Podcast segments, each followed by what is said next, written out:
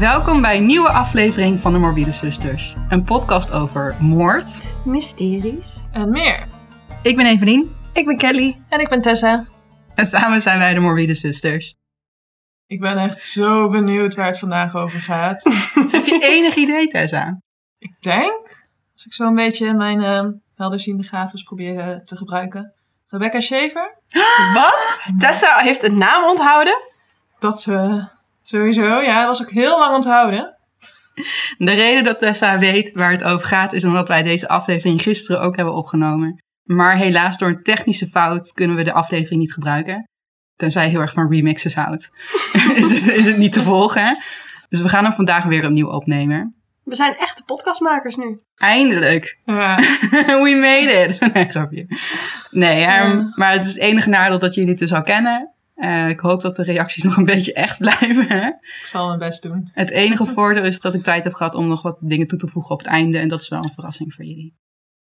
De aflevering van vandaag gaat dus over Rebecca Shaver. Nou, jullie kennen inmiddels haar verhaal. Daarvoor kenden jullie niet echt haar verhaal. Behalve Kelly, die had het een keertje voorbij zien komen. Ja, ik had alleen nooit echt de kleine details onthouden. Dus een groot deel van het verhaal was gisteren nog wel een verrassing. Vandaag niet meer. Helaas. Ik hoop voor de luisteraars wel, ondanks dat het volgens mij wel een redelijk bekende case is. Tenminste, de meeste True Crime podcast hebben het hier wel een keer over. Maar goed, jullie snappen nu volgens mij wel waarom. Ja. De luisteraars gaan zo meteen merken waarom. Ik heb voor het voorbereiden van deze aflevering allemaal verschillende bronnen geraadpleegd. Eh, de belangrijkste die ik wil toelichten is een artikel in Entertainment Weekly. Dat is geschreven door Joe McGovern. Eh, best een aanrader om een keer door te nemen. Mocht je de bronnen graag willen zien of lezen, dan kan je deze vinden op de pagina van deze aflevering op onze website www.demorbidezusters.nl. Zal ik maar gewoon weer beginnen bij de misdaad? Ja, laten we maar Voor de verandering? Voor de verandering inderdaad. Oké, dus het verhaal begint, of ja, zoals ik hem geschreven heb, begint hij op 18 juli 1989. En dan wordt de 21-jarige Rebecca Shaver in de deuropening van een appartementencomplex in West Hollywood, Los Angeles, doodgeschoten. Ze wordt door één kogel geraakt en dat is haar meteen fataal. En de dader die eh, vluchtte weg en steeg in. En die was daarna dus pleiten. Rebecca's dood sloeg in als een bom in Amerika. Sorry. We kijken Tessa aan voor haar slechte grap. Pass for joke. Oh, dan heb je een moord en ook een bomaanslag. Hij zo. komt er ook niet meer mooi uit. Goed zo, Tessa. Ja, dank je. Dus haar dood sloeg in als een bom in Amerika. Met name in Los Angeles. En dat komt omdat eh, Rebecca Shaver ten tijde van haar vroegtijdige dood een jonge acteur was met een grote carrière voor zich. Ze was eh, op dat moment vooral bekend eh, bij het grote publiek vanwege haar rol in een sitcom, My Sister Sam op CBS. CBS.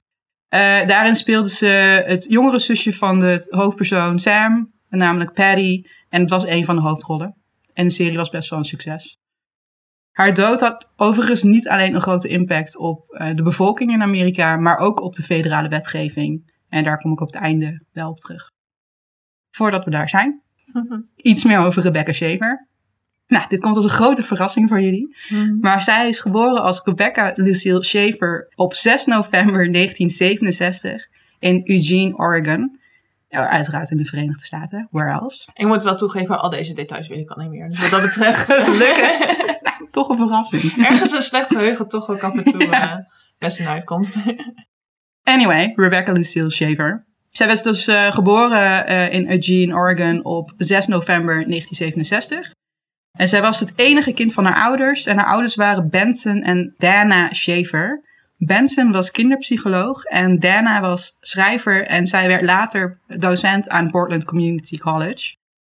Haar vader beschrijft haar vandaag nog steeds als energiek, sprankelend en een makkelijk kind die goede cijfers haalde en makkelijk dingen oppikte. En door haar Joodse opvoeding had Rebecca eigenlijk de droom om rabbijn te worden. Was ze dat maar geworden, Ja. Achteraf Ik gezien. wist eigenlijk helemaal niet dat er vrouwelijke rabbijnen, is dat het meervoud, bestaan? In Crazy Ex-Girlfriend zit er ook eentje. Niet onthouden. Ja, dat, dat, is makkelijk. Verklaart een hoop nu. Maar de droom om rabbijn te worden verwaterde toen Rebecca in aanraking kwam met acteren. En dat gebeurde toen ze een rol kreeg in wat wij zouden zien als de groep 8 schoolmusical. Haar interesse in drama en acteren groeide alleen maar nadat het gezin in 1980 verhuisde naar Portland, Oregon. En tijdens haar tijd aan een middelbare school uh, ging Rebecca zich uh, alleen nog maar focussen op het acteren. Dat was echt haar ding. Zat ze bij de drama club? Ja. ja, dat hebben wij in Nederland niet echt, toch? Nee. Sommige niet op die- scholen. Ja, dat Ja, zeg ik nu wel. Op mijn school gehad. hadden we dat ook, maar ik zat daar niet Maar bij. sowieso al die clubjes heb je niet zo. Nee, Wij hadden dus wel eens in de zoveel jaar op mijn middelbare school echt gewoon gigantisch grote musicalproductie. En dan, Oh, leuk. ja, echt heel tof. Ik heb wel dat ze echt wekenlang bezig waren met eh toneelstuk voorbereiden. Ik was toen eh, non in Quasimodo. Eh, maar die hebben we uiteindelijk nooit uitgevoerd. Dat was zo suf. Waarom dat was geen voorbode. Ja, dat weet ik niet meer. Er was, er was iets, dus uiteindelijk hebben we volgens mij nog een film van gemaakt. Maar ik geloof niet dat iemand die ooit heeft gezien. En waarom ben je Mhm. geen non geworden, maar wel leraar? Omdat, god. Wat kwam eerder? De rol van docent of de rol van... Docent. Want Kijk, je. uh, Quasimodo was op middelbare school. dus ik kan dus altijd nog worden. nee. Hey, ehm, plan B. Mhm.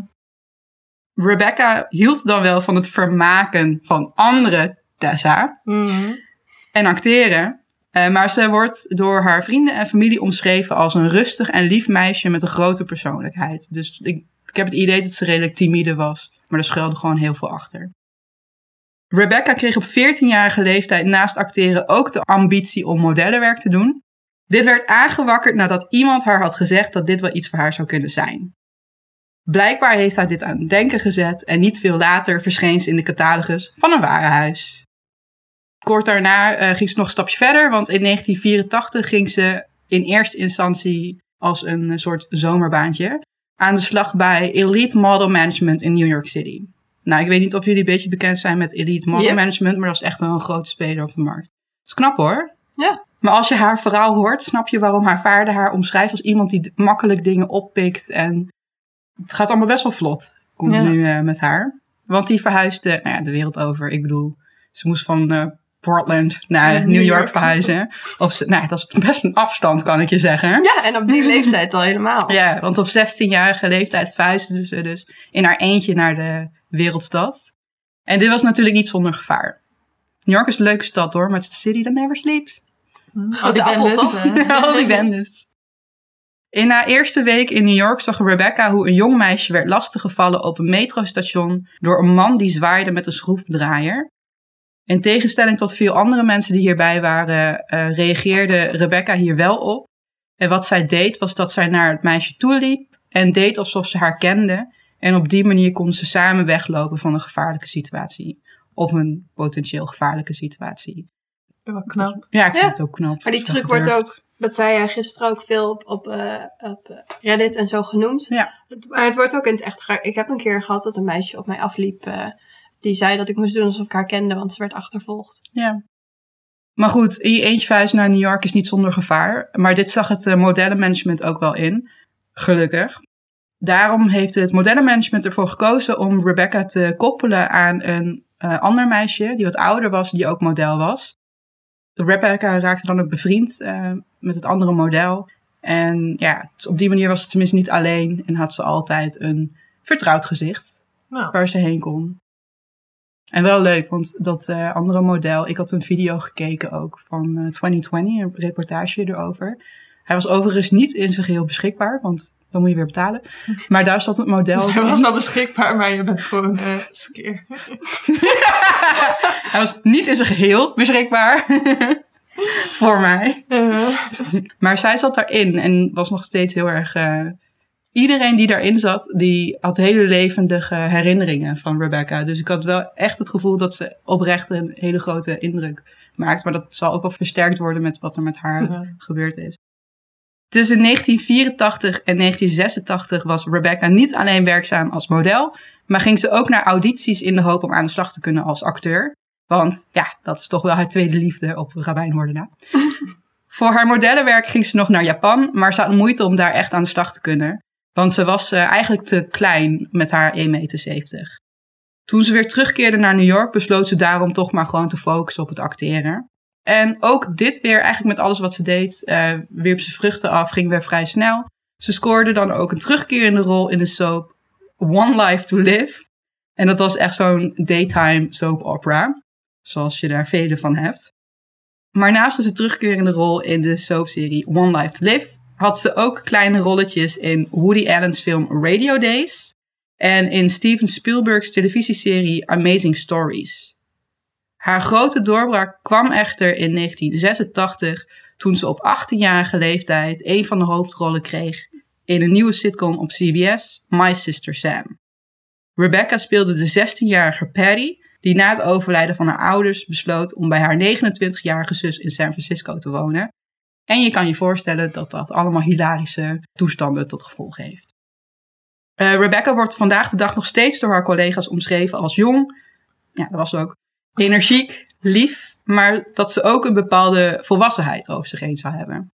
Maar dat komt natuurlijk ook omdat ze in New York heeft gewoond op jonge leeftijd. Ja, dan word je ook wel sneller volwassen. Je moet wel. Ze was een natuurlijk talent met veel chemie met anderen. Wat ook wel belangrijk is als je acteert met andere mensen. En voor haar grote rol in de sitcom verhuisde ze van New York naar Los Angeles. En ze trok in bij haar collega en mede-hoofdrolspeler Pam Dauber. En Pam Dauber speelde Sam in de serie, dus de zus van het karakter van Rebecca. En doordat de acteurs samen gingen wonen, werd hun band ook al snel hechter. En dat zag je ook weer terug natuurlijk in de opnames. Er Ja. waren steeds meer zussen, wat dat betreft. Dat is slim. Zeker slim. En een goede test. Of het wel go- een goede match is, eh, misschien. Of juist van die echte zussen ruzietjes. Ja. Met je zus zit toch ook altijd bij elkaar op de lip. Ja, ik vind het ook wel slim. Maar ik vind het ook wel ehm, lief allemaal. Dat ze dan moest verhuizen van New York naar Los Angeles. En dat dan zo iemand zegt, kom er bij mij in Ja, wonen. want ze was eigenlijk en, nooit dus echt alleen. Nee, je hebt gelijk. Dus altijd wel een, een vrouwelijk figuur geweest die, er, die haar bijstond. Ja, toch wel mooi. De serie My Sister Sam werd al snel een grote hit binnen primetime televisie. Pam Dauber, dus de, was de ervaren actrice. En zij was natuurlijk ook gecast daarom. Dat trekt natuurlijk wat kijkers. Maar het was vooral Rebecca's zijdelingen humor die de serie het nodige setje gaf. Waar mensen voor bleven kijken. Dit leverde Rebecca in korte tijd veel bekendheid op. Binnen no time stond ze op de cover van Seventeen. En Seventeen is een Amerikaanse tijdschrift gericht op tieners. En je kan het het beste vergelijken met de Folk, maar dan gericht op 13 tot 19-jarige Amerikaanse meiden. En het was nogal een ding dat ze op de cover stond, want ze stond er in haar eentje op. En dat komt niet zo snel eh, voor. Blijkbaar, weet ik niet. Ik ben niet zo bekend met dat soort magazines. Nee, ik lees de 17 niet. ik ook niet. Hebben wij de Seventeen in Nederland? Geen idee. Misschien dat ze hem niet. wel verkopen, zeg maar. Oh, maar misschien dat je dan naar zo- naar zo'n handeltje of zo heen moet. Dus Ja. ja. ja, dat zou best kunnen. Het, het- ze hebben tegenwoordig best wel veel eh, buitenlandse tijdschriften. Ik kocht dat vroeger altijd de Breakout. Dat ook de tijd. je had de breakout en de hitkrant. En naast haar cover in 17 stond ze ook op de cover van de TV-guide. En ook dat was nog gewoon een ding, want dat was alleen gereserveerd voor de echte hitseries. In korte tijd veranderde Rebecca's leven echt enorm. En in 1987 kreeg ze een relatie met een UCLA-student, de 23-jarige Brad Silberling. En UCLA kennen we trouwens als die school waar de hele gedoe om was, omdat die rijke Hollywood du- mensen, duwt zou ik zeggen. Daar waren overigens best wel veel vrouwen die dat Die, die vrouwen, die moeders, Ja, die... eh, die Waaronder die, die ene van uh, Desperate Housewives. En uh, Aunt Wat Becky. hebben we gedaan? Even Loughlin voor- hebben ze en... eh, afbetaald. Oh. Ja, ja, afbetaald. Ja, heb je eigenlijk gewoon een plekje ingekocht, Ja. zeg maar. Van, Ja. ach, mijn kind is eigenlijk niet slim genoeg voor in Nederland het VWO, maar koop mijn plekje in. Maar die dochter van Lori Loughlin, die wilde ook helemaal niet studeren daar. Had je dat gezien? Die wilde influencer worden. Die heeft alleen maar gefeest Ja, daar. Persiflage ook in uh, RuPaul All Stars. Ja. All Stars 5? Maar goed, maakt niet uit. Ehm, Zoeken we straks uit. maar ehm, UCLA is best wel een eh, school waar een bepaalde waarde aan wordt gehecht. Ja, anders doen ze ook dat soort dingen niet. Ja, ze, ja, precies. Dus UCLA is best wel een school met status. Eh, Brad Silberling was daar dus eh, student. En hij studeerde op het moment dat hij Rebecca leerde kennen af op het gebied van filmmaken. En eh, nou, dat is met hem ook wel goed gekomen, want hij is vooral bekend als de regisseur van onder andere de film A Series of Unfortunate Events uit 2004. Ja, en dat is, dat is die met ehm, Jim Jim Carrey, Carrey. toch? Ja. Ja. Vandaag zou je zijn werk op Netflix kunnen vinden. Hoe heet die serie nou ook weer? Dash en Lily of zo? Oh, ja. Dash of Lily is hij regisseur van. Brad omschrijft Rebecca als iemand die totaal niet bezig was met haar bekendheid. En Brad eh, zegt ook dat Rebecca het woord roem nooit zal hebben laten vallen. Dat is mooi. Weet je, je hebt van die Ja. mensen die willen gewoon beroemd worden. Ja. Maakt niet uit eigenlijk Hoe? waarmee. Of, of ze überhaupt talent hebben, maakt niet uit. Rebecca was wijs, maar ook naïef. Doordat My Sister Sam een grote hit was, ontving ze ineens heel veel eh, brieven van fans. En tegen het advies van de mensen om haar heen, en dat waren toch best wel professionals, beantwoordde ze dit persoonlijk. Ze had namelijk het gevoel dat ze dicht bij haar fans moest staan. En ik heb ook het idee dat dat is om iets terug te geven. Ze was volgens mij best wel dankbaar ook voor haar succes. Waar haar dus werd geadviseerd om gewoon een persfoto met handtekening terug te sturen, verder niks erbij, voegde ze altijd een persoonlijk briefje toe. Waarin ze haar fans dan ook bedankte. Het is wel heel lief. Heel lief. Tekent weer echt haar persoonlijkheid. Ja, het is ontzettend lief. Heel naïef natuurlijk ook, maar wel echt heel lief. En een van de fans die Rebecca in 1987 zo'n fanbrief schreef, was Robert John Bardo, een 17-jarige man uit Tucson, Arizona. Bardo kan het best omschreven worden als een Einzelganger met weinig positieve vooruitzichten in het leven. Dat klinkt echt best wel eh, zwaar. Maar hij was een vroegtijdige schoolverlater met mentale problemen. Hij was op dat moment werkzaam als een conciërge bij een fastfoodrestaurant. Er is natuurlijk niks mis mee, maar hij had verder ook niks. Hij had geen enkele andere vooruitzichten. Hij heeft een, een moeilijke jeugd gehad. Veel problemen in zijn jeugd. En hij is schijnbaar veel gepest en heeft met best wat misbruik te maken gehad. Nou, we weten allemaal dat dat ook wel gevolgen heeft op iemands gedrag later. Daarnaast was het ook bekend dat hij zijn buren en medescholieren heeft bedreigd. Dus er schuilde ook agressie in hem. En ik begin me dan toch af te vragen dat als hij medescholieren heeft bedreigd, of dat een van de redenen is dat hij een vroegtijdige schoolverlater is. Bardo raakte geobsedeerd met Rebecca toen hij haar tijdens de zomer van 1986 op tv zag terwijl hij Magnum PI aan het kijken was. Want toen kwam er een reclame voorbij van My Sister Sam. En daarin zat natuurlijk ook Rebecca. En hij zag haar, was meteen nieuwsgierig naar haar. Want ja, hij zag Rebecca, maar eigenlijk zag hij dus Rebecca's karakter, Patty. En die vond hij heel erg leuk, want die was heel erg energiek en dergelijke.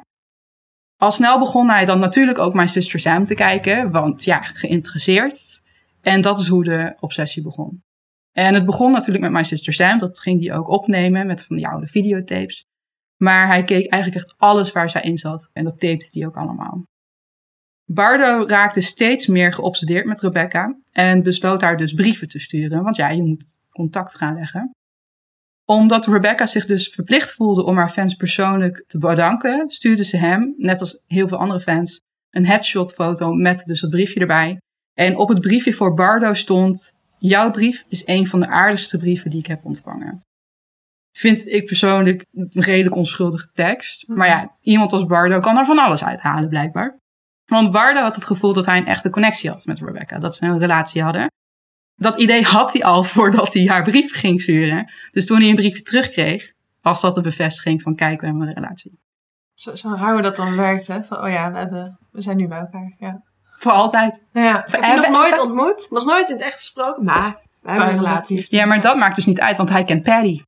Het karakter wat ze speelde in de serie. Ja. En die kende die heel erg goed. Mhm.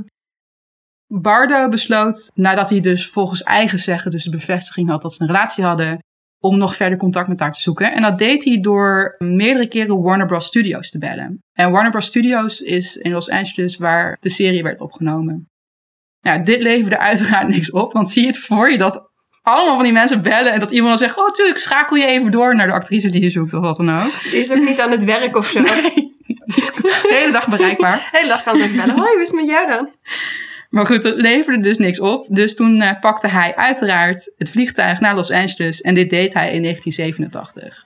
Dus een jaar nadat het eh, begonnen was met contact met haar te zoeken. Maar waar haalt hij dat geld vandaan als hij maar conciërge is? Ja, dat vraag ik me echt af. Ik snap het gewoon echt niet. Kan, ook, kan je ook echt nergens wat over vinden. Want nou ja, gedurende het verhaal ga je merken dat hij best wel... Hij heeft best wel wat geld uitgegeven aan deze hele obsessie. Woonde die nog bij zijn ouders? Nou, volgens mij niet. Want het hele ding met zijn jeugd was dat zijn familie een groot eh, probleem was. Hm. En misbruik en zo.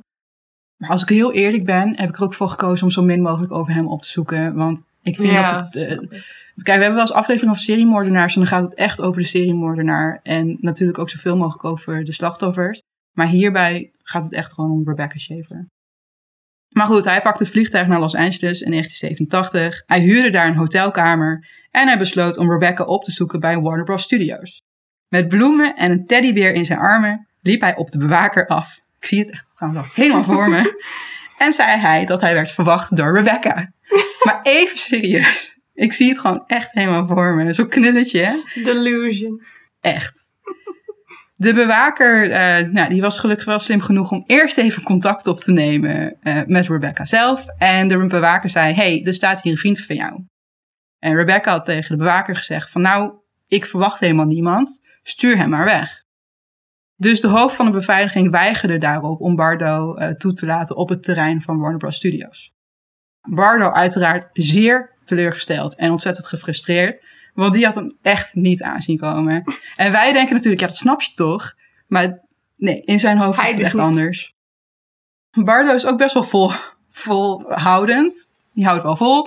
Eh, want Bardo liet het er niet bij zitten en kwam een tweede keer terug.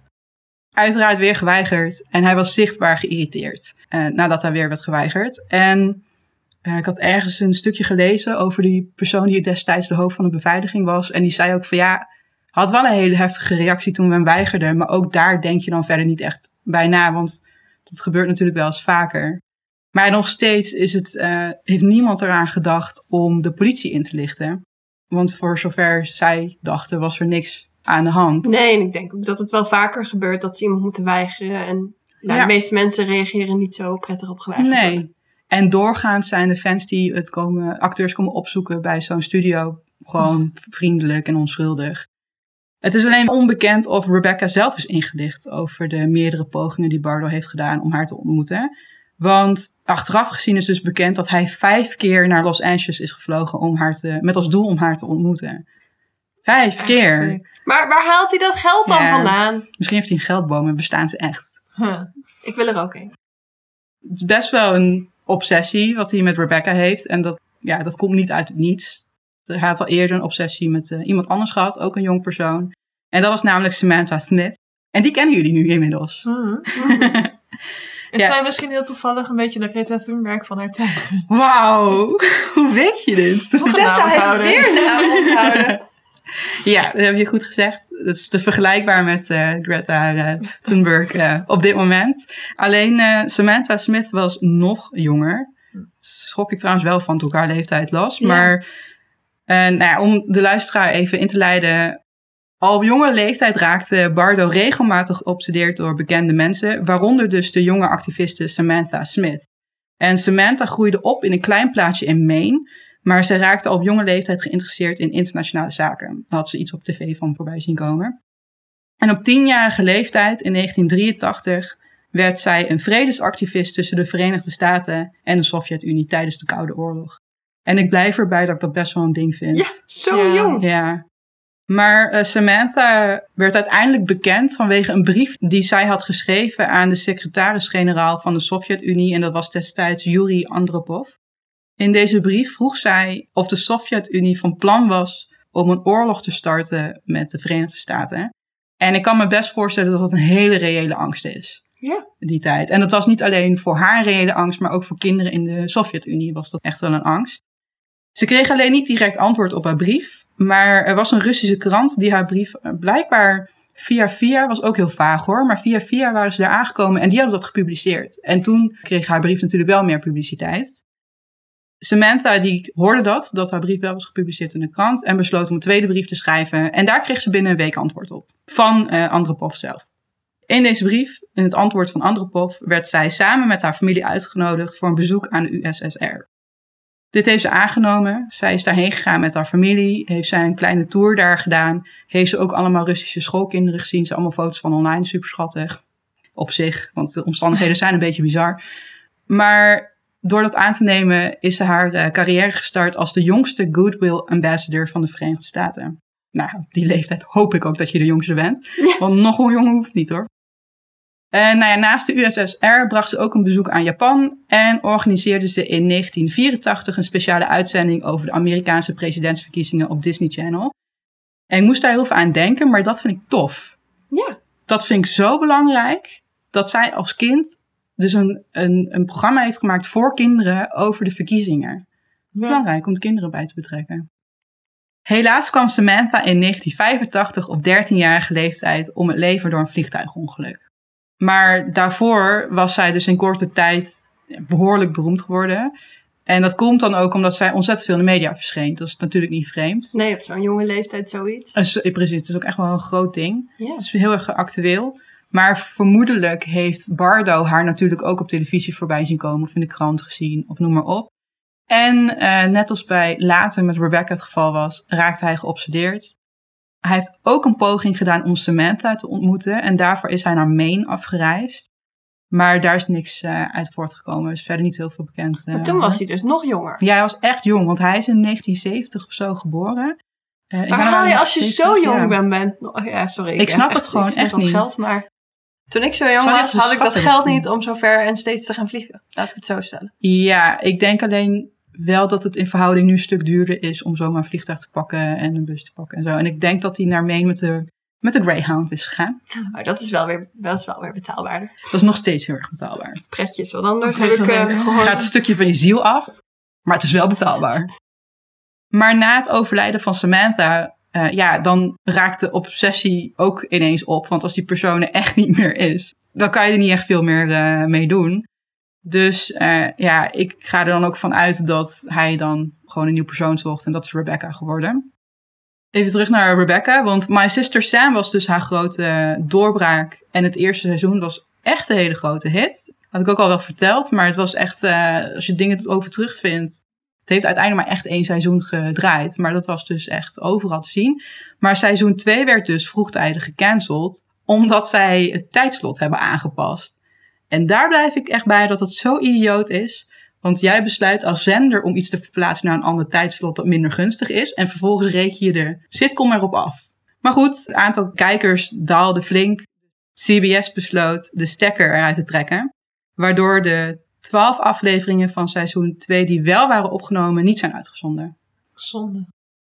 Maar gelukkig had Rebecca al best wel veel indruk gemaakt op Hollywood. En zij zag het ook eigenlijk als een nieuw begin. Van ik ga mijn horizon verbreden, ik kan nu nieuwe dingen uitproberen. Want ik zit niet meer vast aan een contract bij een eh, tv-serie. Dat is natuurlijk ook een ding. Er zijn best wel lange contracten doorgaans. Zij besloot daarom om in films te acteren. Al snel vertrok ze naar Egypte om daar de film Voyage of Terror, de Achille Lauro-affaire, op te nemen. In deze film speelde ze een jonge vrouw op een cruiseschip dat wordt gekaapt door terroristen. En daarnaast had ze ook een rol in de film The End of Innocence. En beide films werden pas na haar dood uitgebracht. En dat was in 1990. En ik vond de film The End of Innocence een mooie titel, Ja. aangezien zij er echt voor heeft gekozen om andere rollen eh, aan te nemen dan waarvoor ze bekend was. Doordat Rebecca dankzij haar rol in My Sister Sam al indruk had gemaakt op Hollywood, is ze overwogen voor de hoofdrol in Pretty Woman. Maar ze heeft deze rol niet gekregen, omdat zij nog steeds echt als een meisje werd gezien, als het zusje van. De actrice die de rol wel heeft gekregen, Julia Roberts, was maar slechts negen dagen ouder dan Rebecca. Ja, maar dat is ook zo typisch. In Amerika worden heel veel mensen toch getypecast. Dat, En dan denk ik, het heet toch niet voor niks acteren? Ja. Je hoeft iets niet te zijn om het te kunnen spelen. Maar dit verklaart ook heel erg waarom Rebecca er dan voor koos om juist hele andere rollen eh, te zoeken. Want dan kan ze een beetje breken van dat, eh, Ja. dat zusje van eh, Imago. Om een beetje te breken met haar imago speelde ze de rol van verwende dochter in de film Scenes from the Class Struggle in Beverly Hills uit 1989. Deze rol werd goed ontvangen. Ze heeft goede reviews ook gekregen voor haar eh, acteerwerk. Maar het brak wel echt heel erg met haar karakter in My Sister Sam. En dat kwam voornamelijk omdat er een, eh, een seksscène in zat. Oh, Die, zij, zij heeft een seksscène gedaan. Je kan je voorstellen dat Bardo compleet ervan overtuigd dat hij en Rebecca een koppel waren, dat niet zo zag zitten. Maar het is acteren, hè? Ja, maar niet in het oog van Bardo. Goed, doordat Bardo dus zo geobsedeerd was door eh, Rebecca, volgde hij haar carrière na mijn Sister Sam echt behoorlijk op de voet. Toen Scenes from the Class Struggle in Beverly Hills uitkwam in de bioscoop, was hij natuurlijk een van de eerste mensen die naar deze film ging. Alleen was het totaal niet wat hij had verwacht. Hij flipte hem behoorlijk toen hij zag dat Rebecca's karakter een seksscène had. Waar hij dus voor haar rol in My Sister Sam nog wel warme gevoelens voor haar had. Want dat was natuurlijk allemaal heel lief en zusje van en noem maar op. Degelijk. Precies, vroom. Nee, grapje. Werden die gevoelens nu vervangen door wrok en walging. Misschien ook een beetje gebroken hart.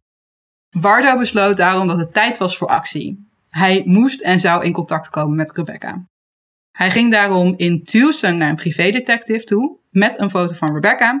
En hij vertelde aan die detective dat Rebecca en hij oude vrienden waren en in het verleden wel eens brieven naar elkaar stuurden.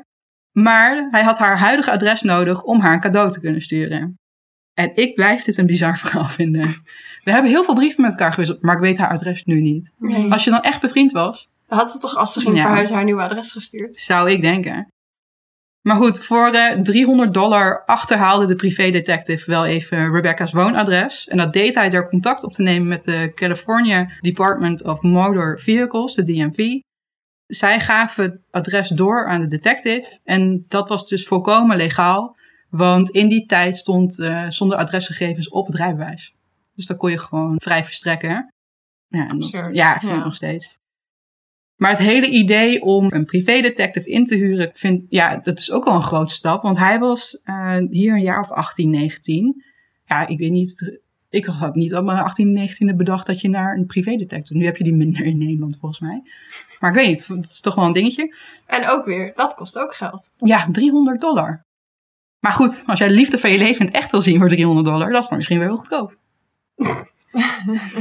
Ik weet niet of iemand dat eh, waard is. Of zeg ik niet. Goed zo, Tessa. Ik heb de liefde van mijn leven nog niet ontmoet, dus ik weet niet of dat het waard is, ja. Maar goed, het idee om actie te ondernemen en daarvoor een privédetective in te huren kwam dus niet uit het niks.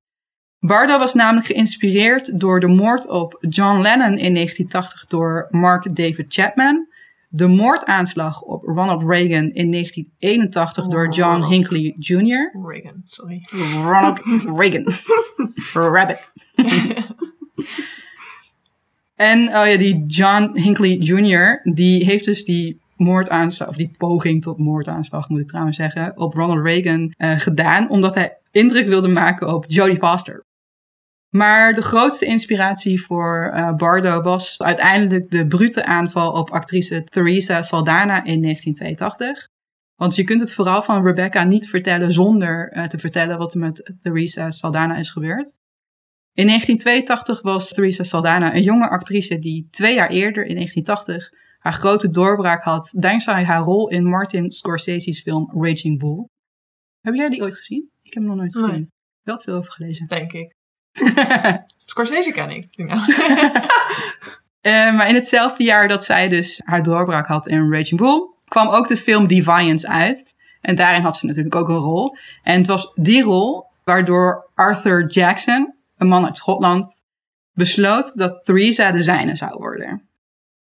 Jackson huurde een privédetective in om erachter te komen waar Theresa woonde. En deze privédetective kon niet haar adres achterhalen. Maar hij kon wel het telefoonnummer van Theresa's moeder achterhalen. En dat telefoonnummer stond nergens gepubliceerd. Dus ik ben nog steeds een klein beetje benieuwd ho- hoe dan. Maar goed. Ehm, Jackson had dus het telefoonnummer van Theresa's eh, moeder, belde haar op en deed alsof hij Martin Scorsese's assistent was. En onder het mom van dat hij een belangrijk pakketje had, wat mogelijk een script bevatte, kreeg hij van Theresa's moeder het woonadres van Theresa. Theresa woonde in dezelfde buurt als Rebecca en ook zij werd voor haar huis aangevallen. Hier verscheen Jackson namelijk met een mes en begon gewoon eh, op haar in te steken. Een man die het zag gebeuren, echt heel, dit is ook weer een gevalletje, best wel veel mensen hebben dit zien gebeuren. Bijna niemand, eh, ja, ik bedoel, ja, het is ook heftig toch, als dit gebeurt. Maar een man had wel als eerste reactie van, ik moet haar helpen. Dus die rende daarop af. Uiteraard werd er ook op hem eh, ingestoken. Gelukkig overleefden ze het allebei en werd Jackson opgepakt. Hij werd veroordeeld tot 15 jaar gevangenisstraf, maar hij overleed in 2004 op de psychiatrische afdeling. Nou ja, die zou ook uiteraard een psychiatrische aandoening hebben gehad. Het is overigens een wonder dat Theresa deze aanval heeft overleefd, want haar verwondingen waren ja, flink. Best wel vaak op haar ingestoken. Gelukkig is ze er bovenop gekomen en heeft ze, ondanks deze traumatische gebeurtenis, nog steeds een goede carrière daarna gehad. Uh, ze heeft zelf zichzelf gespeeld in een tv-film gebaseerd op haar eigen ervaring. En de film was Victims for Victims. En ze heeft deze film ook gemaakt met het idee dat ze anderen wilde waarschuwen. En ik blijf erbij dat het echt knap is Ja. om je, wat jou is overkomen, gewoon zelf te acteren in Dan jouw moet je het verhaal. eigenlijk ja. nog een keer meemaken. Ja, Ja. wel nep, maar Ja, je gaat er nog een keer door. ja. Maar, creëert misschien ook dus wat afstand tussen eh, de Ja, rol. want dat was een rol die ik heb gespeeld. Ja. Misschien. ja. Als het haar helpt, kan ook heel therapeutisch zijn. Maar het blijft niet makkelijk. Nee. Nou, echt wel knap hoor. Ik vind het sowieso knap. Het komt ook over als een hele sterke vrouw. Maar haar eh, verhaal was natuurlijk ook groot nieuws. Want dit is ook niet wat eh, elke dag gebeurt in Hollywood. Maar het was wel groot nieuws en werd onder andere gepubliceerd in People magazine. En dit is dus het tijdschrift waar eh, Bardo inspiratie uit kreeg om een privédetective in te huren. Hij heeft dat artikel gelezen en in plaats van dat je denkt... Jezus, wat erg dat iemand dit doet. Dan ben je echt knettergek, dacht hij. Ha, een privédetective. Dat Laat ik die, ja, laat ik die eens inschakelen. In een brief aan zijn zus schreef Bardo dat hij een obsessie had met het onbereikbare en dat hij moest kapotmaken wat niet bereikbaar was. Dan moet er toch een alarmbel afgaan als iemand dat tegen je zegt. Ja, maar dit is ook een heel raar verhaal, want hij had die brief dus geschreven op het dag dat hij voor de laatste keer Oh. naar Rebecca toe ging. Dat hij dat gepo- gepost. Dus dat kwam later aan. Dat kwam aan nadat er het volgende wat ik ga vertellen is gebeurd. Want inmiddels was Bardo 19 jaar oud. En zoals jullie weten eh, mag je vanaf je 18e een vuurwapen kopen in de Verenigde Staten. Hij besloot dit ook te doen, maar de winkeleigenaar weigerde hem er één te verkopen vanwege zijn geschiedenis met mentale problemen. En daarom gun control. Wat er dus veel te weinig nog is. Ja, mee eens. Maar hier dus wel gewerkt. Ja, deze man heeft gewoon gedaan wat hij moest doen. Helaas heeft dat dus niet geholpen, want Bardo vroeg aan zijn oudere broer Edward om hulp. Edward kocht een vuurwapen voor Bardo onder de voorwaarde dat hij het alleen zou gebruiken wanneer ze samen zouden zijn voor schietoefeningen. Maar geeft het dus wel aan hem mee. Ja. Nog Dan zou je net zo goed kunnen zeggen, ik bewaar hem Ja. tot we samen schietoefeningen gaan doen. Gewapend met zijn nieuwe vuurwapen stapte Bardo op de Greyhound-bus van Tucson naar Los Angeles. Dankzij de informatie van de privédetective stond hij op 18 juli 1989 voor het huis van Rebecca. Hij belde aan en zij deed netjes de deur open. Ze was vriendelijk tegen hem, schudde zijn hand en wenste hem een fijne dag. Doordat Rebecca zo ontwapenend was, werd hij rustiger. Dus hij liep ook weg. En terwijl hij wegliep van het appartement, ging zij dus weer naar boven toe, haar appartement in. En hier zat zij dus achteraf gezien eh, met smart te wachten op de koerier die het script voor The Godfather 3 zou bezorgen. Want ze had later die dag een afspraak staan met regisseur Francis Ford Coppola. Ze mocht namelijk auditie doen voor de film. En omdat haar intercomsysteem kapot was, niet werkte, liep ze telkens zelf naar de voordeur toe, omdat ze anders bang was om de koerier te missen.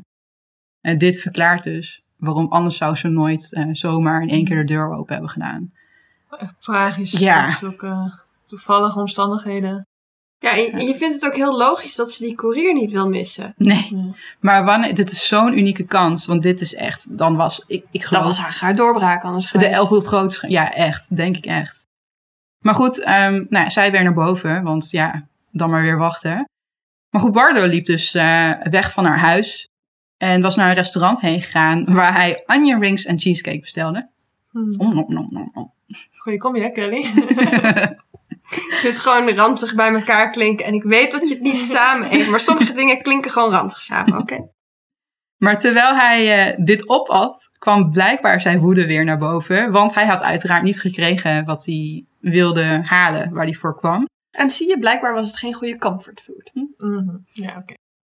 Ik denk dat het geen flikker uitmaakt wat je hem had gegeven. Tenzij het Rebecca was geweest. Ah, En dan was het nog niet goed geweest. nee. Dat kan nooit goed zijn. Nee, want hij had ook helemaal geen realistisch beeld van Nee, joh. Maar hij besloot dus om terug te keren naar Rebecca's huis. En hij belde weer aan. En omdat dus het systeem kapot was. En zij echt zo erg zat te wachten op de koerier. Is ze weer naar beneden heen gelopen. Heeft ze weer de deur open gedaan. Maar in plaats van haar te begroeten. Schoot Bardo haar neer met zijn vuurwapen. Die had hij zo uit zijn tas gehaald. En dit ene schot werd haar dus fataal. Bardo vluchtte via een steeg. En vond zijn weg terug naar Tucson, Arizona. Terwijl hij wegvluchtte kwam een buurman van Rebecca af op het lawaai. Die ging natuurlijk kijken en hij vond uh, Rebecca bij de ingang van hun gebouw. Hij heeft meteen het alarmnummer gebeld en best wel snel later arriveerde een ambulance. Maar Rebecca is onderweg naar het ziekenhuis overleden en dat was binnen 30 minuten nadat ze was neergeschoten. Mensen in de buurt hadden Bardo blijkbaar al gespot, nog voordat hij bij Rebecca had aangebeld, want blijkbaar heeft hij met haar foto rondgelopen door haar buurt en gevraagd aan buurtbewoners of ze haar kenden. Slimme actie. De volgende dag, 19 juli 1989, was Bardo weer terug in Tucson. Daar werd het alarmnummer gebeld door meerdere automobilisten nadat zij een man hadden zien rondrennen op een snelweg. En ik zie helemaal voor me dat iemand zo gek daar zo rondloopt. Maar uh, ze hadden dus een man zien rondrennen en die man had geschreeuwd dat hij uh, een dag ervoor Rebecca Schaefer had vermoord. Nou, de politie ging erop af, heeft Bardo meegenomen, want dat was dus Bardo. En niet veel later heeft hij ook de moord bekend. De politie van Tucson heeft meteen contact opgenomen met de politie in Los Angeles. Ze hebben zijn foto daarheen gefaxt. Die foto is uitgedeeld in de buurt van Rebecca. Nou, het werd bevestigd dat degene die Rebecca had doodgeschoten was Bardo. Want ten eerste was hij gespot. Ten tweede hebben ze hem weg zien rennen nadat uh, Rebecca was neergeschoten. De aanklager van het strafproces tegen Bardo was Marsha Clark. Die later beroemd werd doordat ze de aanklager was tegen O.J. Simpson. Na de moorden op zijn ex-vrouw Nicole Brown Simpson en Ron Goldman. Bardo werd berecht voor moord in een proces zonder jury. En volgens mij is dat redelijk uniek in de Verenigde Staten. Want het hele ding is met een jury is toch in de... Democratische... Ja. A jury of your peers. Maar weet je ook waarom? Volgens mij heeft die Marsha Clark daar een rol bij gespeeld. Oké. Ik weet niet meer precies. Er was wel een reden voor. Volgens mij had het ook heel erg met zijn mentale welzijn te maken. Maar ik durf het niet met zekerheid te zeggen. Ja. Maar dat is dus wel een dingetje, want zijn advocaten hebben het echt nog geprobeerd uh, op zijn uh, mentale problemen te gooien om zo'n lichtere straf te krijgen. Heel vooral, maar uiteindelijk uh, is hij in oktober 1991 schuldig bevonden van de moord op Rebecca. En twee maanden later kreeg hij een levenslange gevangenisstraf opgelegd, zonder kans op voorwaardelijke vrijlating. En dat had ermee te maken dat hij. Um, het is heel moeilijk om te bewijzen dat iemand dat het echt moord is. Dat je echt ergens heen gaat en iemand. Ja, ja, precies. Of dat het, het kan ook doodslag zijn. Maar dat, Voorbedachte raden. Ja. wil je. Ja, ja. uh, werd in een van die reportages die ik had gezien uitgelegd dat hij bij het overhoren en zo heeft hij iets gezegd waaruit je kan opmaken dat het echt zijn intentie is geweest om haar wat aan te doen. Dat het niet per se een oplewending is gebeurd. Maar sowieso ook het feit dat hij vlak daarvoor een wapen heeft aangeschaft. Maar dat En je ook die je brief wapen meeneemt. ja. Maar die brief vooral naar die Oh, zus. Maar ook gewoon, hé, hey, ik ga bij jou op bezoek en ik neem mijn wapen mee. Nee, Ja, ik ga dat- er niks mee doen. Ik heb hele goede bedoelingen. Maar ik neem wel mijn wapen mee. Voor mijn safety. Dat is natuurlijk wel de VS, hè? Ik bedoel, daar is niet genoeg, genoeg reden. Maar ja, toch. Achteraf gezien is het dus bekend dat eh, Bardo ten tijde van de moord op Rebecca een exemplaar van het boek The Catcher in the Rye op zak had. En dat is hetzelfde boek dat ook John Hinckley Jr. en Mark David Chapman in bezit hadden. En dat waren natuurlijk ook zijn inspiratiebronnen. En ik ga het gewoon weer zeggen, wat een rotboek. En ik ga ook gewoon weer zeggen dat ik het niet kan begrijpen dat er nog steeds docenten Engels zijn die dat boek met hun klassen gaan lezen. Want er zijn zoveel betere en leukere boeken. Boeken die ook echt aansluiten bij de doelgroep. En dan kies je dat boek. Tassa, heb je hem op je eh Nee, to-read list eh, gezet? Ik ben vergeten ik ben te niet checken of overtuigd door jullie. ik ben, ik ben vergeten te checken of ik hem nog heb liggen, dat je hem mag lenen. Oh, maar er bestaat gewoon een grote kans dat ik hem al lang heb Ja, gedaan. nee, ik ken de reputatie wel, die is niet echt beter geworden. Hmm. Maar goed, los van het boek is het dus eh, ook bekend dat hij, Bardo dus, in het jaar voorafgaand aan Rebecca's moord drie keer is opgepakt voor huiselijk geweld en wanordelijk gedrag. Het is gewoon overduidelijk dat Bardo een jonge man was met verschillende emotionele en mentale problemen, die gewoon echt nooit de hulp heeft gekregen die hij nodig heeft gehad. Ja, dat is wel te kosten gegaan van iemands leven. Je weet het niet als hij al vroeg hulp had gehad. Misschien eh, was er een andere uitkomst geweest. Volgens Bardo zou Rebecca meerdere keren waarom hebben gezegd voordat ze op de grond viel nadat hij haar had neergeschoten. Vind ik niet de vreemde vraag om te stellen, overigens, op zo'n moment. En toen hem werd gevraagd waarom hij haar heeft neergeschoten, vertelde hij dat hij boos was op haar. Volgens hem was zij kortaf tegen hem geweest. En hij omschrijft haar stem als dat van een verwend kind. En hij claimt dat ze heeft gezegd dat hij haar tijd aan het verspillen was. En hij vond dat je zoiets niet kan zeggen tegen een fan. Dus daarom greep hij zijn vuurwapen uit zijn tas en schoot haar neer. Een jaar na haar moord heeft Bardo in een interview gezegd dat hij fan was van Rebecca, maar dat hij misschien te ver is gegaan. Misschien. Misschien. En volgens hem heeft de media hem neergezet als een monster, maar als hij nog één wens mocht doen, dan zou hij wensen dat Rebecca nog leefde. Daar heb je zelf voor gezorgd, gast. Ja. Ja. Ten tijde van zijn obsessie met eh, Rebecca, of eigenlijk helemaal aan het begin daarvan, eh, heeft hij ook brieven gestuurd naar eh, andere bekende personen, namelijk popsterren uit de jaren tachtig, die wij verder niet zo goed kennen, maar dat zijn Debbie Gibson en Tiffany. En volgens Dr. Park Dietz, een expert op het gebied van stalken, is het krijgen van haatbrieven over het algemeen minder gevaarlijk dan het krijgen van liefdesbrieven. Ja, ik heb daar nog achter gezet van, dat was in elk geval 30 of 40 jaar geleden zo. Maar op social media zie ik ook wel eens dingen voorbij komen wat echt om haat comments en zo gaat. En dat kan ook best wel ver gaan. Maar goed, het is allebei dicht dicht bij elkaar. Het is niet gezond in elk geval. Sowieso vanuit een bepaald soort passie die Ja. misplaatst is. Rebecca is begraven in Portland, Oregon. Dus eh, dicht bij haar ouders, gelukkig. Dus wat dat betreft is ze thuis gekomen. Haar dood sloeg dus in als een bom in Hollywood. Nee, ik maak hem niet nog een keer. In september 1989 werd er naar aanleiding van de moord op Rebecca een meeting georganiseerd door zo'n 600 prominente figuren uit Hollywood. En het schijnt trouwens dat Brad Pitt daarbij aanwezig is geweest. Maar die was toen nog niet bekend. Deze mensen wilden dat er iets gedaan zou worden. Want uh, Theresa Saldana was gebeurd en uh, dit was gebeurd. En ik ga ervan uit dat er tussendoor andere incidenten zijn geweest. Naar aanleiding van de grote hoeveelheid publiciteit die de zaak opleverde, werd het eerste politieteam samengesteld dat zich specialiseerde in stalking. Ook ging per 1 januari 1991 in Californië een nieuwe anti-stalkingswet in, waardoor het niet langer meer mogelijk was om adresgegevens op te vragen bij de DMV. Goed plan. Sinds 1994 geldt deze wet in alle staten van de Verenigde Staten. En in de loop der jaren zijn er steeds meer van dat soort wetten bijgekomen. En tegenwoordig is het zo dat je in Californië een straatverbod tot 10 jaar opgelegd kan krijgen wegens intimidatie. Terwijl Rebecca niet meer leeft, is haar moordenaar er nog wel, op deze aarde in elk geval. Uh, Bardo is, wanneer deze aflevering uitkomt, 51 jaar oud. Hij is in 2007 aangevallen door een medegevangene, maar hij overleefde de aanval. Bij deze aanval is er 11 keer op hem uh, ingestoken. Sinds 2011 zit hij in Ironwood State Prison in Blythe, Californië. Nou, het ironische is dat in 1989, het jaar van haar moord, Rebecca woordvoerder werd van de organisatie Thursday's Child. En dit is een organisatie die zich inzet voor risicovolle tieners. Dus denk hierbij aan tieners die van huis weglopen, gepest worden, depressief zijn of andere mentale of fysieke problemen hebben. En dit is dus precies het type organisatie dat iemand als Bardo had kunnen helpen. Ja. Ironisch. Toch? Dat is een beetje het woord. Nou, nu een stukje wat jullie nog niet hebben gehoord. Tessa viel al bijna in slaap. Volgens psycholoog Michele Gallietta, werkzaam als professor aan City University of New York, bestaat er niet zoiets als een typische stalker. Het is dus heel lastig om één beeld te schetsen wat passend is voor alle stalkers.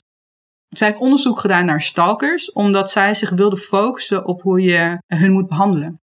Dus ze heeft uh, flink geobserveerd. Maar ze zegt wel, ondanks dat de typische stalker dus niet bestaat, is het haar wel opgevallen dat stalkers die zij heeft geobserveerd, weinig interesses hadden over het algemeen. Weinig... Eén obsessie. Dus ze uh, geeft dan ook aan dat uh, de mensen die zij heeft geobserveerd over het algemeen dus weinig deden aan vrije tijdsbesteding en weinig sociale interacties hadden. En hun primaire relatie in het leven was dan ook het stalken van een slachtoffer. En dit vind ik wel passen bij het plaatje van Bardo. Ja. Die komt ook zo over. Overigens is stalken op zich niet een ziekte, maar valt het binnen verschillende mentale ziektes in het DSM. De motivatie voor het stalken verschilt dan ook per stalker. Nou, dat is vrij logisch. Bij Bardo is het duidelijk dat hij dacht, of dat hij ervan overtuigd was, dat hij echt een romantische relatie had met uh, Rebecca. En het zou best wel kunnen dat hij heeft geleden, zou ik dan willen zeggen, aan de psychische stoornis erotomanie. En erotomanie is een vorm van een waanstoornis. Dus Kelly zei het al, delusional. Uh, waarbij iemand er echt van overtuigd is dat een ander verliefd is op hem of haar. En dus open staat voor romantische toenadering. Dus daarom dat het bij Bardo ook echt niet inkwam dat eh, Rebecca daar misschien niet op zat te wachten. Het komt overigens vaker voor bij vrouwen, deze stoornis. Oh. Maar als mannen het hebben, is het gevaarlijker. Die gaan sneller over op Handelen. stalkergedrag. Ja. Een bekend persoon, waarvan dus ook echt nu bekend is dat hij deze stoornis heeft gehad, is niemand minder dan John Hinckley Jr. Een van de inspiratiebronnen van Robert John Bardo. Life imitates art. Oh, oh ja, nog één ding. Ontkenning is overigens een groot onderdeel van deze stoornis. Dus met name het ontkennen van dat het object van eh, affectie dus niet op de affectie zit te wachten. Dat, dat gaat gewoon echt niet in. Ja, dat past precies bij het beeld wat je net van hem schetst. Volgens Gallietta's onderzoek schijnt het dat niet alleen mensen met een psychische aandoening sneller overgaan tot stalken, maar ook mensen die kampen met een alcohol- of drugsverslaving.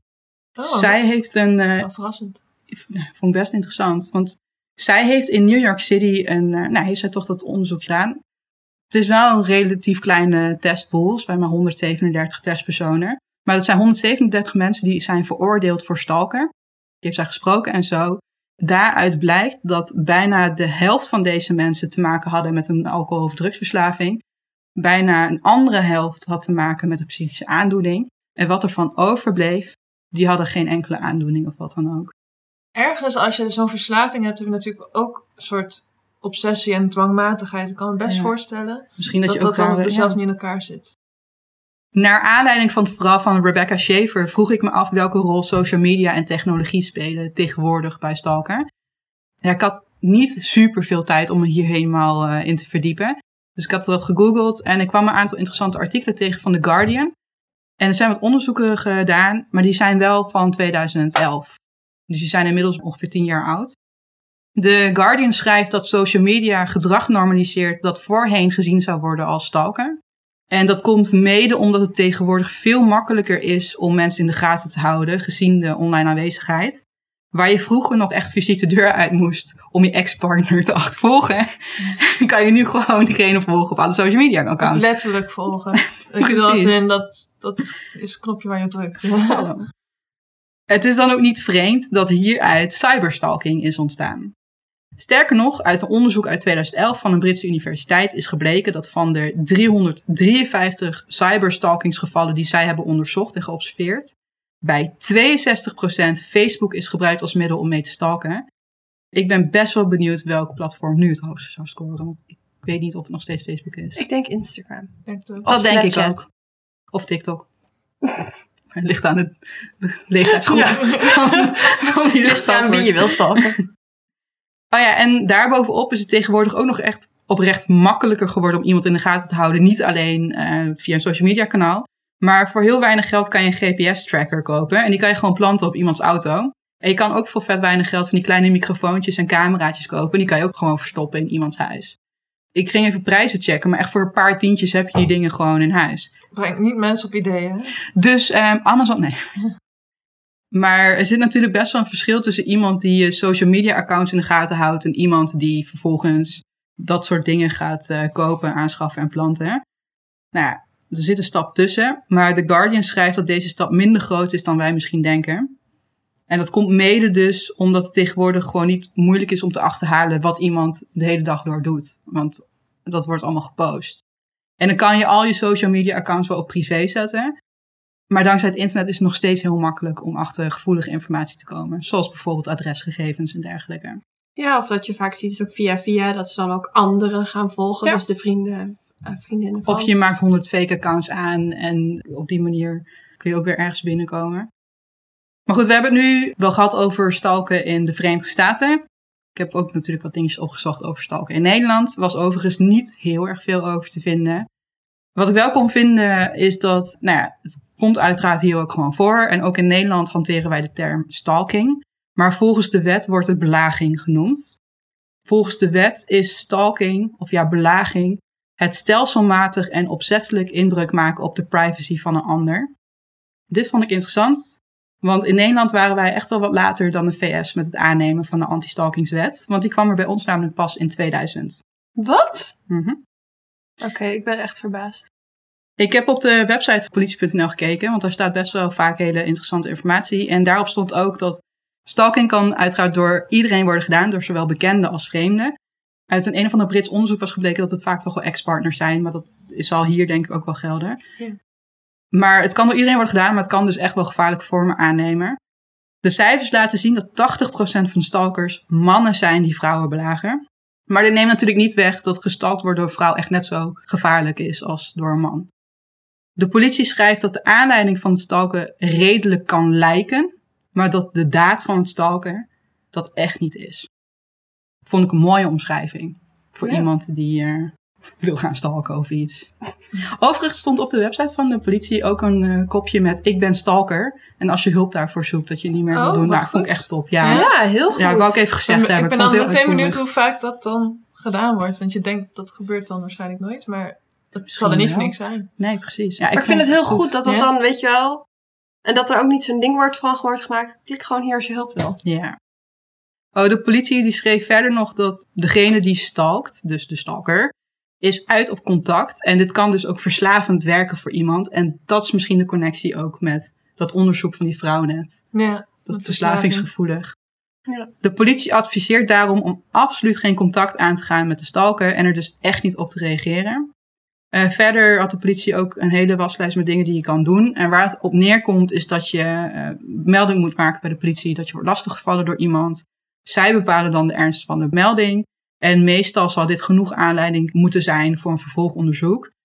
De politie schrijft ook dat het heel erg moeilijk is om iemand te veroordelen of echt op te pakken, want het heeft met bewijs te maken.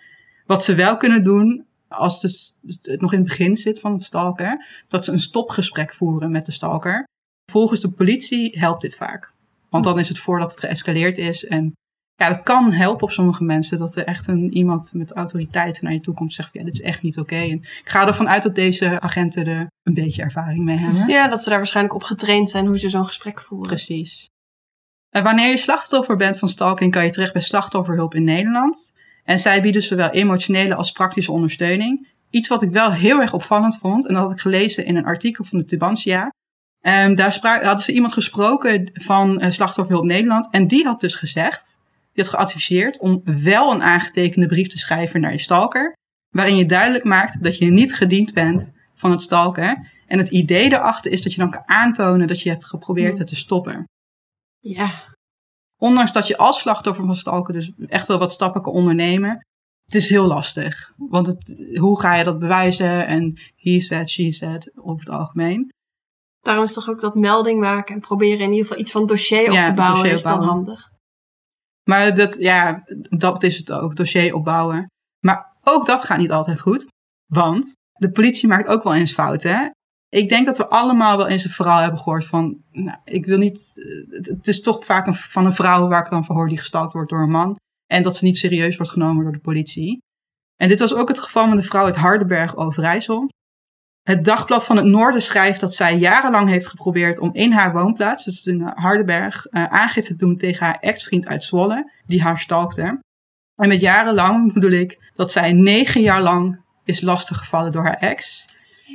Maar hij viel niet alleen haar lastig, hij viel ook andere vrouwen lastig. Een van de andere slachtoffers was een 17-jarig meisje uit Zuid-Laren, die pas 9 jaar oud was toen die gast begon met haar te stalken. En dit meisje uit Zuid-Laren heeft meerdere keren aangifte gedaan in Assen. En naar aanleiding hiervan is die gast veroordeeld voor stalken. En dan denk je, mooi, want dan kunnen ze in Hardenberg zien dat hij, dan ligt het dossier, zou Ja, je heeft denken. hij strafblad, toch? Ja, maar dit heeft dus niks geholpen voor die vrouw uit Hardenberg. Pas toen zij in aanraking kwam via via met de politie in Assen, werd ze wel serieus genomen. Kon ze daar weer aangifte doen. En toen is het balletje gaan rollen. En mede dankzij haar aangifte in Assen en een aangifte van een andere vrouw in Drenthe, is de man veroordeeld tot TBS met dwang. Nu vraag je je misschien af waarom het in Assen wel lukt om aangifte te doen en in Hardenberg niet. Dit komt omdat de politie in Hardenberg een andere definitie hanteerde van stalken dan blijkbaar in Assen of ergens anders. Want ehm, de vrouw zelf vertelt dat agenten haar hadden gezegd dat het pas stalking is als de stalker zes weken lang 24 uur per dag doorging met het belagen. Zo. Nou ja, Nou, vind ik nog mooi dat ze hem gepakt zou hebben. Want ja, meestal hoor je dat het, dat Dat het het nog verhaal fataal afloopt. Ja. En dat het dan pas, oh, Ja, ja, ja. Hadden we maar eerder kunnen... Ja. Ja. Ja, want dader was al wel bij de politie bekend. Oh, Als ik dat lees, dan krijg ik echt gewoon meteen kriebels. ja. Daar word ik gewoon helemaal naar van. Overigens is er naar aanleiding van eh, dit hele gedoe wel een intern onderzoek gedaan hoor. Moet ook en terecht. En daaruit is uiteraard gebleken dat de politie in Harderweg gewoon grove fouten heeft gemaakt. En een van de dingen waar het volgens hunzelf aan lag, is dat zij elke melding die die vrouw heeft gemaakt uit Harderweg, hebben zij als een individuele hulpvraag beoordeeld. Hm. En dat is dus geen dossier opbouwen. Nee, je moet toch dossier opbouwen? Ze hebben dus totaal Want dan zie je op een gegeven moment van... Hé, hey, eh, dat is wel vaak dezelfde. Ja, want dan zie je dus totaal niet dat het om stelselmatig gedrag gaat. Ja. Los hiervan, ik vraag me af, zo'n naam wordt toch geregistreerd van zo'n gast in een systeem? Er Dat moet toch ergens een, belletje afgaan van, oh, deze man heeft dit, dit, dit, dit, dit, dit. Misschien zijn ze allemaal net als ik. Vergeet al die namen. Ja, maar daar heb je tegenwoordig computers voor, Tessa. Oh. Ja. Dit was het verhaal over Rebecca Schaefer. Iemand die vroegtijdig is gestorven door de obsessie van een ander. En ik ben best wel benieuwd naar wat jullie meenemen uit deze zaak. Geen briefjes schrijven aan je fans. Eigenlijk komen wij telkens tot de conclusie dat je vooral geen contact moet hebben met andere mensen. ja, maar dat, dat wordt ook al hele Dat is voor mensen als mij heel moeilijk. Nee, ja. Ik vind het vooral heel lastig. En ik snap dat het moeilijk te bewijzen is en zo. Maar ik vind het gewoon heel erg lastig van dat er dus eigenlijk zo weinig tegen stalken gedaan kan worden. Tenzij iemand eh, overduidelijke, concrete dreigementen uit of zo. Volgens mij kan er dan wat meer gedaan worden. Ja. Maar Maar meestal Ja. begint het dus heel onschuldig. Want je begint niet met dreigen met het vuurwapen. Maar dat gebeurt vaak in een opwelling. Dus dat kun je niet echt... Ja, ja, dat vind ik echt heel lastig. En ik vind het gewoon echt gewoon een heel, ja, heel zielig verhaal eigenlijk. Ja. Het is ergens voelt het toch ook als een beetje pech hebben dat je Ja. iemand hebt die zo mentaal in elkaar zit dat hij zo'n obsessie krijgt. Ik bedoel, Ja. Dat is natuurlijk ook niet iets wat met iedereen gebeurt. Nou ja, en wat je zei, hè, dat hij voor Rebecca al een obsessie had met iemand anders. Als het Rebecca niet was geworden, hij schreef ook naar andere vrouwen ja, het- fanmail, dan was het iemand anders geworden. ik Ja. denk oprecht dat in dat geval eh, is toevallig Rebecca de eerste geweest die iets heeft teruggestuurd. Misschien wel dikke vette pech gehad. Ja. Maar Als je die ene reclame niet had gezien. ja, of- precies. Voor Ja. My Sister Sam, ja, dan was er wel iets anders geweest. Dus er was hoe dan ook iets in zijn Ik hoofd. denk, met die gast was het sowieso misgegaan. Ja. Hoe dan ook. En het is gewoon voor Rebecca gewoon heel sneu dat zij het was. ja. Maar dit is ook waarom ik aan het begin van de aflevering al zei van... dit is een zaak die eigenlijk bij elke True Crime podcast wel wordt besproken. Als je het helemaal zo hoort, dan snap je denk ik ook wel waarom. En ik hoop dat de luisteraars dat ook snappen. Want het is een verhaal waar best wel veel aan gehangen kan worden. En, Ja. En wat gewoon ook tot eh, wijziging eh, van de wet, van de federale wetgeving heeft geleid. Ja. Dat vind ik wel heel goed. Ja. Ja. Mocht je onze verhalen nou interessant vinden en meer willen horen, dan abonneer of volg, maar niet te veel, ons op eh, je favoriete podcast app. En eh, geef een mooie review of laat een goede rating achter. En wil je ons nou nog meer volgen? Dan kan dat via social media. Wij zitten op Instagram, Twitter en Facebook. Eh, op Instagram en Facebook heten wij De Morbide Zusters. En op Twitter kun je ons vinden als Morbide Zusters. En verder hebben we een website www.demorbidezusters.nl En hier kan je voor elke aflevering het script en de bijhorende bronlijst vinden. Dit waren de Morbide Zusters. Tot, de volgende keer. En niet echt volgen, hè? Niet te veel volgen.